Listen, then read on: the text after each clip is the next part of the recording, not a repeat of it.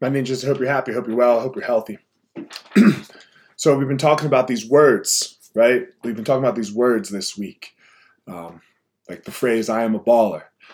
Uh, sometimes we have to break it down more than that. And I'm going to relate this now to my youngest kid, Simon. His team is seven, he's not 10. Uh, there are some kids that can barely play on his team. And I was and I was coaching them this weekend. So the words that I say to them are still very important.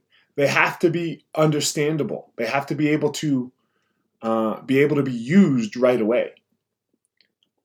Things like, and this is in pertaining to flag football.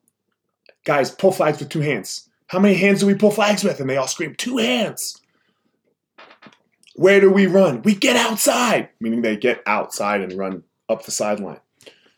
Where do we force people to run? We force them inside. They would repeat so that it would now relay to their actions. Okay, I'm running the ball. I got to get outside. There's not do this and do that and doing a million things. Letting letting our brains, letting our reptilian brains, our dumb brains take over of thought here, thought there, do this, do that. No. How many hands do we pull flags with? We pull flags with two hands. They scream at me. We got to do that for ourselves. What do I got to do today? You know, you might not have to scream, but you got to lay it out. Lay it out in simple terms. I wake up, I meditate, I have gratitude. That's what I do. There's no options. I, I that's what I, I know. That's what I'm doing in the morning. Okay, then I'm gonna exercise, or then I'm gonna get to work. Like it's laid out, so the decisions are gone. There's no decision to make. You already told yourself what it is you're going to do. And now it just comes down to one matter a matter of discipline. Do you have the discipline just to do what you're telling yourself, what you know is correct, so that you can be a fucking baller and find your power? What's up, guys? Eliot here.